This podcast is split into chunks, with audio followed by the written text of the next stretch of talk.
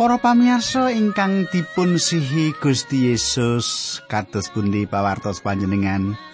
Menapa panjenengan sae-sae kemawon panjenengan dipun berkahi dening Gusti Allah? Mugi panjenengan tansah binerkahan dening Gusti lan tansah pinayungan dening Gusti murah rejeki bagas waras. Nggih. Ha kateng kula. Ing akhir-akhir menika panji kula radi sibuk radi repot pelatusan nggih dipun ulemi supados.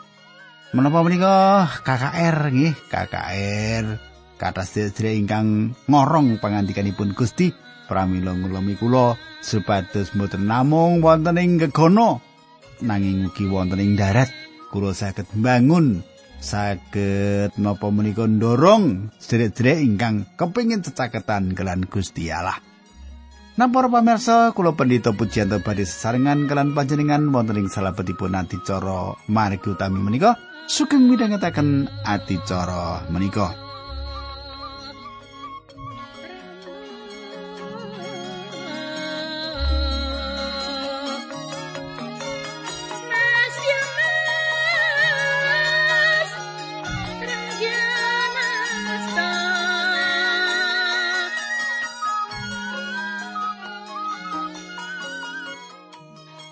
Para pamirsa, menapa panjenengan tasih kemutan menapa ingkang kula andharaken tuk nalika pepanggen kepengker? Nggih, Pak, tasih kemutan, Pak. Nah, nggih ngaten nggih. Ing kepengker kita sampun nyemak kados pundi Paulus nengenaken perkawis kamardikan Kristen ingkang tetep kedah dipun timbang kalian wontenipun tiang sanes. Mertika-mertika ning kudu eling wong liya. Nah para pamirsa kita badhe lajengaken ing dinten menika nanging saderengipun menika monggo kita tumungkul kita ndedonga sesarengan. Duh Kanjeng Rama ingkang ada dampar wonten kraton ing kasuwarken kawula ngaturaken gunging panuwun menawi wekdal menika kawula saged tetunggilan kalian sedherek kawula ingkang setya tuhu midhangetaken adicara menika. Kawula nyuwun Gusti berkahi Gusti mitulungi supados Sang Roh Suci piyambak ingkang jarawakaken kanthi cetha dumateng sedherek-sedherek kawula menika. Dinambaran asmanipun Gusti Yesus hati coro menika kawula pasrahaken. Amin.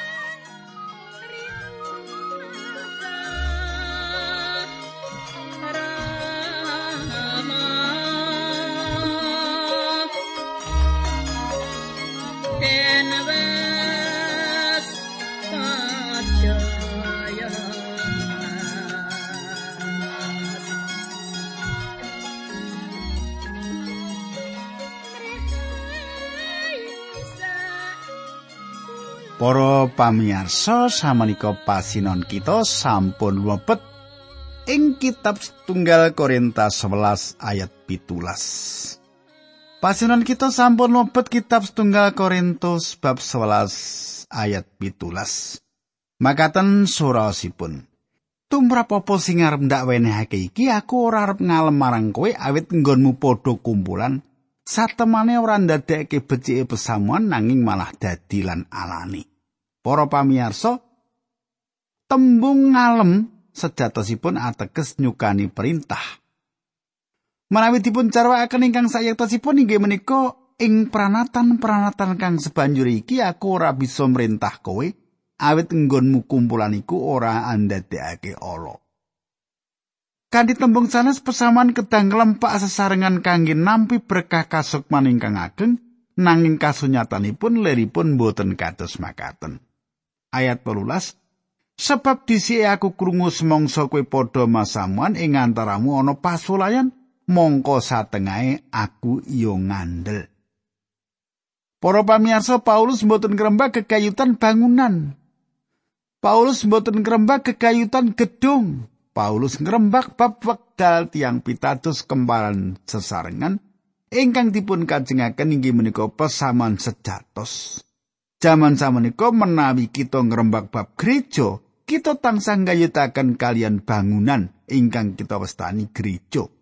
Gedung menika sanes gereja, gedung namung satunggalipun bangunan. Gereja inggih menika tiang-tiangipun angel tumrap kita mikiraken wonten ing babagan kados makaten menika. Ing wedal tiang-tiang pitados sing Korintus kempal sesarengan roh pecah belah utawi golongan ingkang kita tinggal ing pasal setunggal dipun beto wonten ing bujana suci pecah belah dumados sing mriku.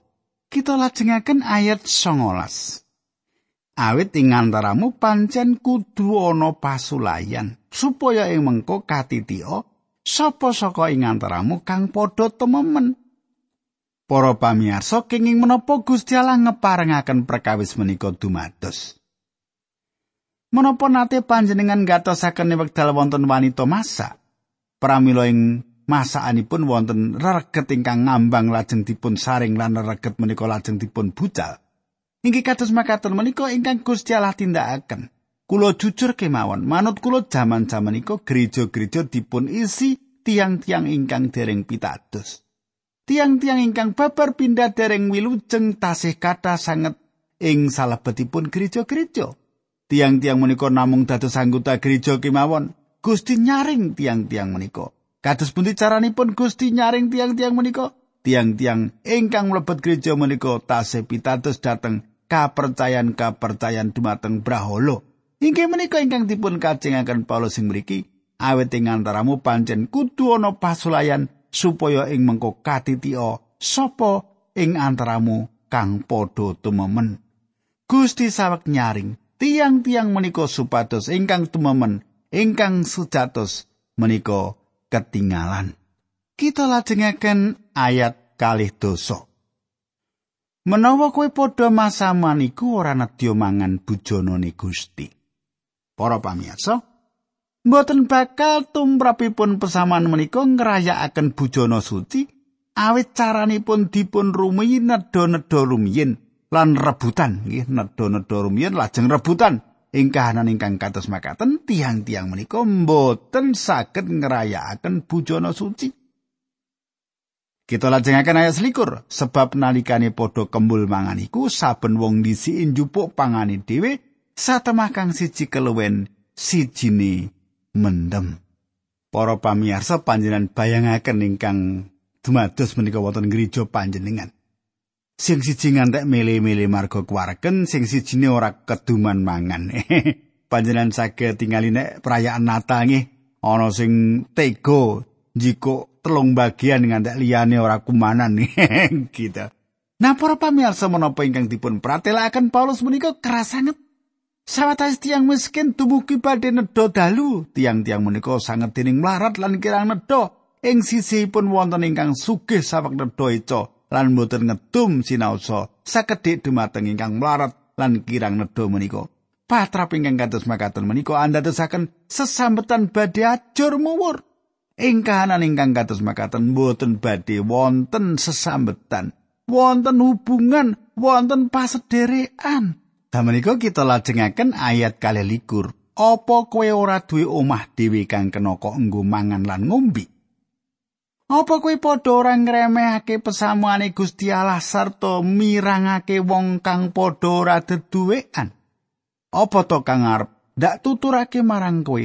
Apa aku kudu ngalem kowe tumrap perkara iki aku ora ngalem? Para pamirsa menawi tiang-tiang menika mboten gadah kekajengan bangun pamitran ingkang sejatos. Langkung sae tiang-tiang menika nedha wonten ing griya kemawon. Menapa ingkang tiang-tiang menika tindakan murukaken dados pasulayan lan mecah pesamuan? Sawetawis wonten ing antasipun ingkang mendem lan wekdal bujana nedha-nedha lan minum-minum menika mboten genah. Tiang-tiang kalau babar pindah mboten sabak ngemot-emot sedanipun Gusti Yesus. Sedaya sampun cetholan kabur tumrap tiang-tiang menika makna bujana suci dados mboten wonten tegesipun. Paulus wangsul sanjang, "Apa aku kudu ngalem kowe tumrap perkara iki? Aku ora ngalem." Kita lajengaken ayat 3 Sebab apa kang wis ndak tampa saka Gustiku, ya wis ndak luntakake marang kowe, yaiku yen Gusti Yesus sing wayah bengi nalikane panjenengan tungkap kaulungake mendet roti. Para pamirsa, kala-kala Paulus mratelakaken pasaman menika badhe ngrayakaken bujana suci pas kados ingkang dipun tindakaken Gusti pasaman menika ngawontenaken bujana suci ing salebetipun pangibadah injang.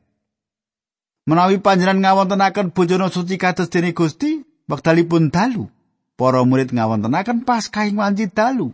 lan ing salebetipun nedha ing wanci dalu menika Gusti ngawontenaken bujana suci ing dalem ingkang sami panjenengan dipun kianati ing dahar dalu menika panjenenganipun mendet roti. Ayat kawanikur lan sawise saus syukur tumuli dicuwil-cuwil sarta ngendika iki badanku kang kaulungake marga saka kowe. Iki padha tindakno minangka pangiling-iling kanggo aku. Para pamirsa Paulus mboten wonten ing ruang inggil menika. Paulus mboten nampi prakawis menika minangka wahyu langsung saking Gusti. Dalu menika wekdaling pundi kegiatan neraka mbudidaya nyirnakaken sang juru wilujeng kita. Manut kula kesederhanaan keagungan dan sifat kasukman menika ngidapi-dapi. Panjenengan katosaken lan sawise saos syukur. panjenenganipun ngaturaken gunging panuwun ing dalu menika. E wedal wawayangan salib gantung ing ruang inggil. Dosa notok lawang ing ruang inggil nuntut leburipun badan. Lan panjenenganipun ngaturaken panuwun. Panjenenganipun ngaturaken gunging panuwun dumateng Gusti Allah. Selajengipun tumuli dicuwil-cuwil. Jebi panjenengan katasaken tembung tumuli dicuwil-cuwil. Ing antaranipun tiang-tiang pitados tangsa wonten pikiran ingkang benten gagayutan perkawis menika. Menapa panjenengan nyuwel-nyuwel rotinipun? Utawi panjenengan nyuguhaken wetah ing golongan Katolik rum nyuwel-nyuwel roti menika ing golongan Lutheran boten lan saperangan ageng gereja Protestan boten. Para pamirsa, roti menika panci kedah dipun cuwil-cuwil menika nedahaken bilih roti menika kedah dipun domaken. Salajengipun dipun pratelaken panjenenganipun mendhet tuwung sesampunipun dar lajeng ngendika tuwung iki perjanjian anyar kang kacap kalawan getihku saben-saben kowe padha ngombe iku gawenen pangiling-iling marang aku. Setunggal Korintus 11 ayat selangkung. roti nglambangaken badan Sang Kristus ingkang lebur tuwung nglambangaken perjanjian inggal. Menapa nate panjenengan naliti kenging menapa dipun sebat tuwung? Ing sawetawis conto ugi dipun sebat woh anggur nanging mboten nate dipun sebat anggur. Kula mireng prakawis menika dipun damel debatan. Apa kudu anggur sing dirageni kanggo bujana suci? Namung bayi ingkang gadah pitakenan kados makaten menika. Kita mangertos menawi anggur menika mboten dipun rageni. Inggih menika Paskah. Ewedal bujana roti tanpa ragi. Menapa panjenengan nginten tiang-tiang menika nedha roti mboten mawi ragi lan jus anggur ingkang dipun sukani ragi. Anggur menika jus anggur ingkang dipun rageni. Para pamirsa perkawisipun wonten ing bab mboten dipun rageni lan papanipun menika ing wedal Paskah. Nanging ingkang ndutut ati ing mriki Gusti Yesus nyebat tuwung. Badanipun inggih menika tuwung ingkang namung rah. Panjenenganipun dipun lairaken kangge sedo lan ngesokaken rahipun. Sang Rasul mboten bosen-bosenipun ngimutaken dosa-dosa kita ingkang dipun apunten awit rah bilih panjenenganipun jembaraken sih kamirahanipun kangge kita awit rah. Gusti boten bikak lawang wingkingan kaswargan kangge nyelepakan kita sesideman. Panjenenganipun beto kita dateng lawang ngajeng minangka jejeripun putra awit paukuman dosa sampun lunas dipun bayar imedal tuntutan Gusti Allah ingkang suci sampun kapenuhi. Ampun ngantos kesupen bilih jaman samenika Gusti Allah saged kemawon kendel lan boten nindakaken menapa-menapa dumateng manungsa. panjenenganipun sampun nindakaken satunggalipun perkawis dumateng manungsa tuwuh menika isinipun rah perjanjian enggal. Kita lajengaken ayat 6 likur. Setunggal Korinta 11 ayat 6 likur. Awet saben-saben kowe padha mangan roti iki sarta ngombe ing tuwung iki, iku ateges kowe padha martakake sedane Gusti nganti tumeka ing rawi. Para pamirsa, Ing mriki Paulus nambahaken satunggalipun perkawis singkang enggal. Ing setunggal Korintus Paulus tansah mbikak lawang utawi pikiran-pikiran ingkang enggal supados kita saged ningali perkawis singkang enggal. Ing mriki piyambakipun nyerat besok satekaku. Ing wedal ngemataken bujana suci bujana menika saged dipun tingali saking tigang arah ingkang benten. Angka setunggal bujana suci menika saged kawastani minangka pemut. Panjenenganipun mangsuli pangandikanipun malih saben-saben kue padha ngombe iku gawenen pangiling-iling marang aku. Bujana menika ningali malih menapa ingkang sampun dumados kalih ewu taun kegayutan sedanipun ing kajeng salib.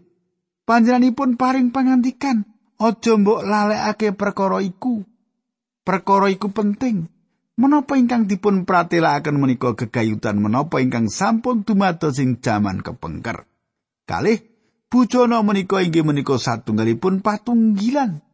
Prakawis menika meratelaken gegayutan jaman samenika, gegayutan kasunyatan pilih samenika wonten Sang Kristus ingkang gesang. Angka 3 Menapa ingkang dipun pratelakaken menika satunggalipun niat utawi janji utawi komitmen menika ningali dhateng mangsa tembe inggih menika panjenenganipun badhe wangsul malih. Bujana menika mboten badhe langgeng. Bujana menika namung sawetawis sasampunipun ibadah, bujana menika dipun pindahaken lan saged ugi kita mboten malih ngrayakaken awit kita namung nindakaken bujana menika ngantos Gusti Yesus rawuh. Bujana menika nglambangaken anggenipun Gusti badhe rawuh malih. Bujana menika ningali dumateng mangsa tembi. Para pamirsa, Gusti Yesus Kristus mundut samukawis ingkang remeh menika, roti lan anggur ingkang badhe bosok menawi sampun sawetawis dinten. Perkawis ingkang ringkih jagat menika lan panjenenganipun ngedekaken pepenget.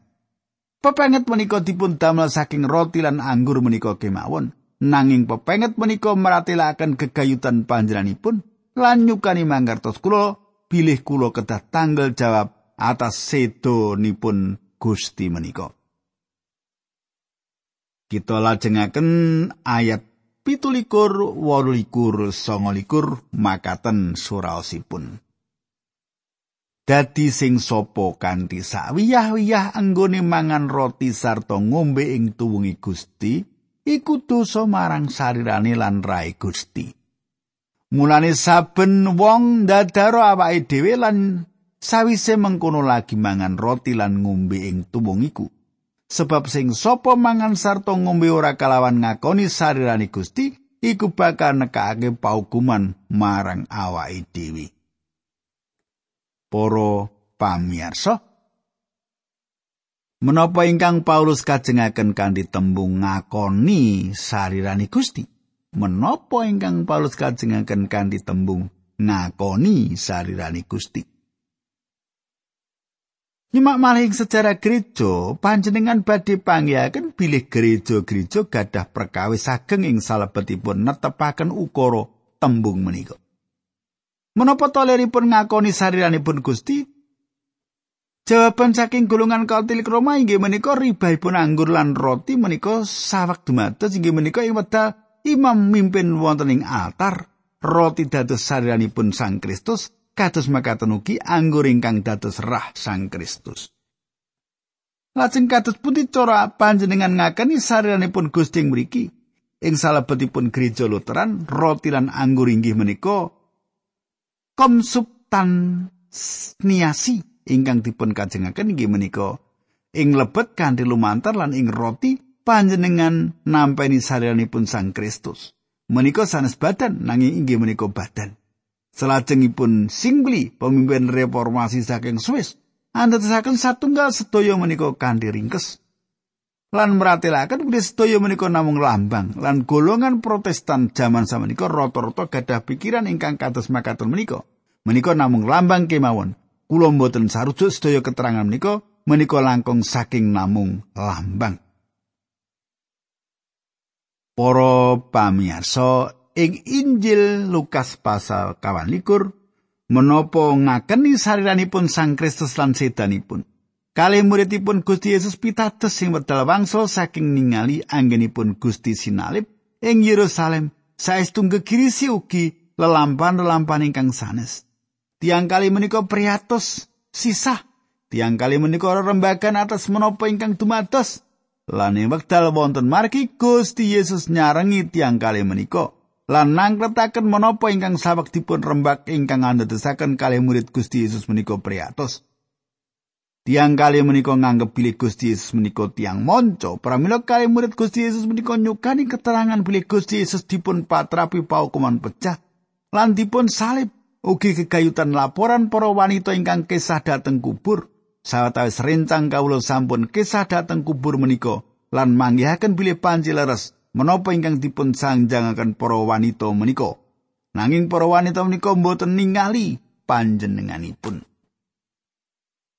Para pamirsa, lajeng panjenenganipun ngendika dumateng tiang kalih menika, "Heh, wong kang padha tanpa budi lan kang randat ing pamikir tema ora percaya marang samubarang kabeh kang wis kapangandikake dening para nabi. Sang Kristus apa ora pinasti nandhang iku mau kabeh banjur lumebet ing kamulyani." Lajeng panjenenganipun nyetakaken dumateng para murid menika menapa ingkang sinerat kegayutan panjenenganipun ing salebetipun sedaya kitab suci wiwit saking kitab-kitab Musa lan samukawis kitab para nabi. Tiang tiga menika dumugi dusun ingkang dipun tuju lajeng panjenenganipun kados-kados badhe nglajengaken anggenipun lumampah tumuju dhumateng kita tanpa mandek Nanging murid kalih menika nyuwun kanthi sanget lan matur kula aturi kendel wonten ing griya kula. Awit sampun ngajengaken dalu surya sampun serap. Saestu mbebayani lumampahing tengah dalu. Salajengipun dipun ngendikaken panjenengane yo banjur lumebet karo wong-wong mau bareng lenggah arep dahar bebarengan. Sawetawis dinten saderengipun panjenenganipun sampun dahar Paskah kalian para muridipun. Samenika sesarengan kalih murid sanesipun lan inggih menika ingkang kawitan sasampunipun bungu saking sedo.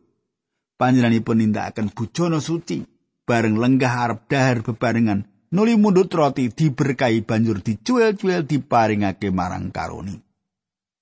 Rak saestu ngira-miramaken to menawi panjenenganipun menika sesarengan wonten ing wekdal nedhuk.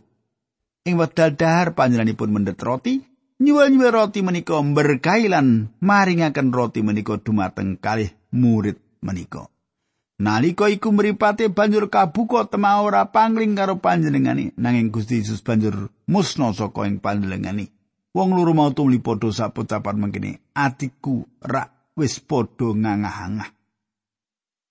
Lukas kawan likur ayat kawan likur ngantos tigang dosa kalih. panjenenganipun dahar sesarengan kalian kalih murid menika. Lajeng menapa ingkang dipun tindakaken? Panjenenganipun meratelaken sariranipun inggih menika bujana suci. Para pamirsa menawi panjenengan bujana suci, panjenenganipun rawuh inggih panjenenganipun rawuh. Dados bujana suci menika mboten namung lambang. Bujana suci menika liripun panjenengan kedah ngakeni saliranipun Sang Kristus. panjenengan daroti mawi tutuk panjenengan nanging panjenengan kagungan Sang Kristus sing salebetipun manah panjenengan. Kersanipun Gusti Allah paring pitulungan dumateng kita ing salebetipun derek bujono kanthi makaten Sang Kristus dados nyoto kangenipun kita. Gusti Allah paring pangapunten dumateng kita awit andadosaken bujono suci menika dados upacara agami ingkang mati lan kathah aturanipun. ayat tigang doso.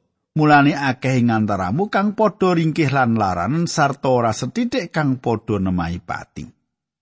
Para pamirsa kenging menapa kados makaten awet tiang-tiang menika nderek ing salebetipun bujana suci kanthi cara ingkang boten pantes ingkang dipun kajengaken inggih menika patrap ingkang boten pantes menika. Saru. Ayat tigang dosa setunggal lan tigang dosa kalih. Nanging menawa kita padha ndadar awak kita dhewe kita ora bakal tampa paukuman.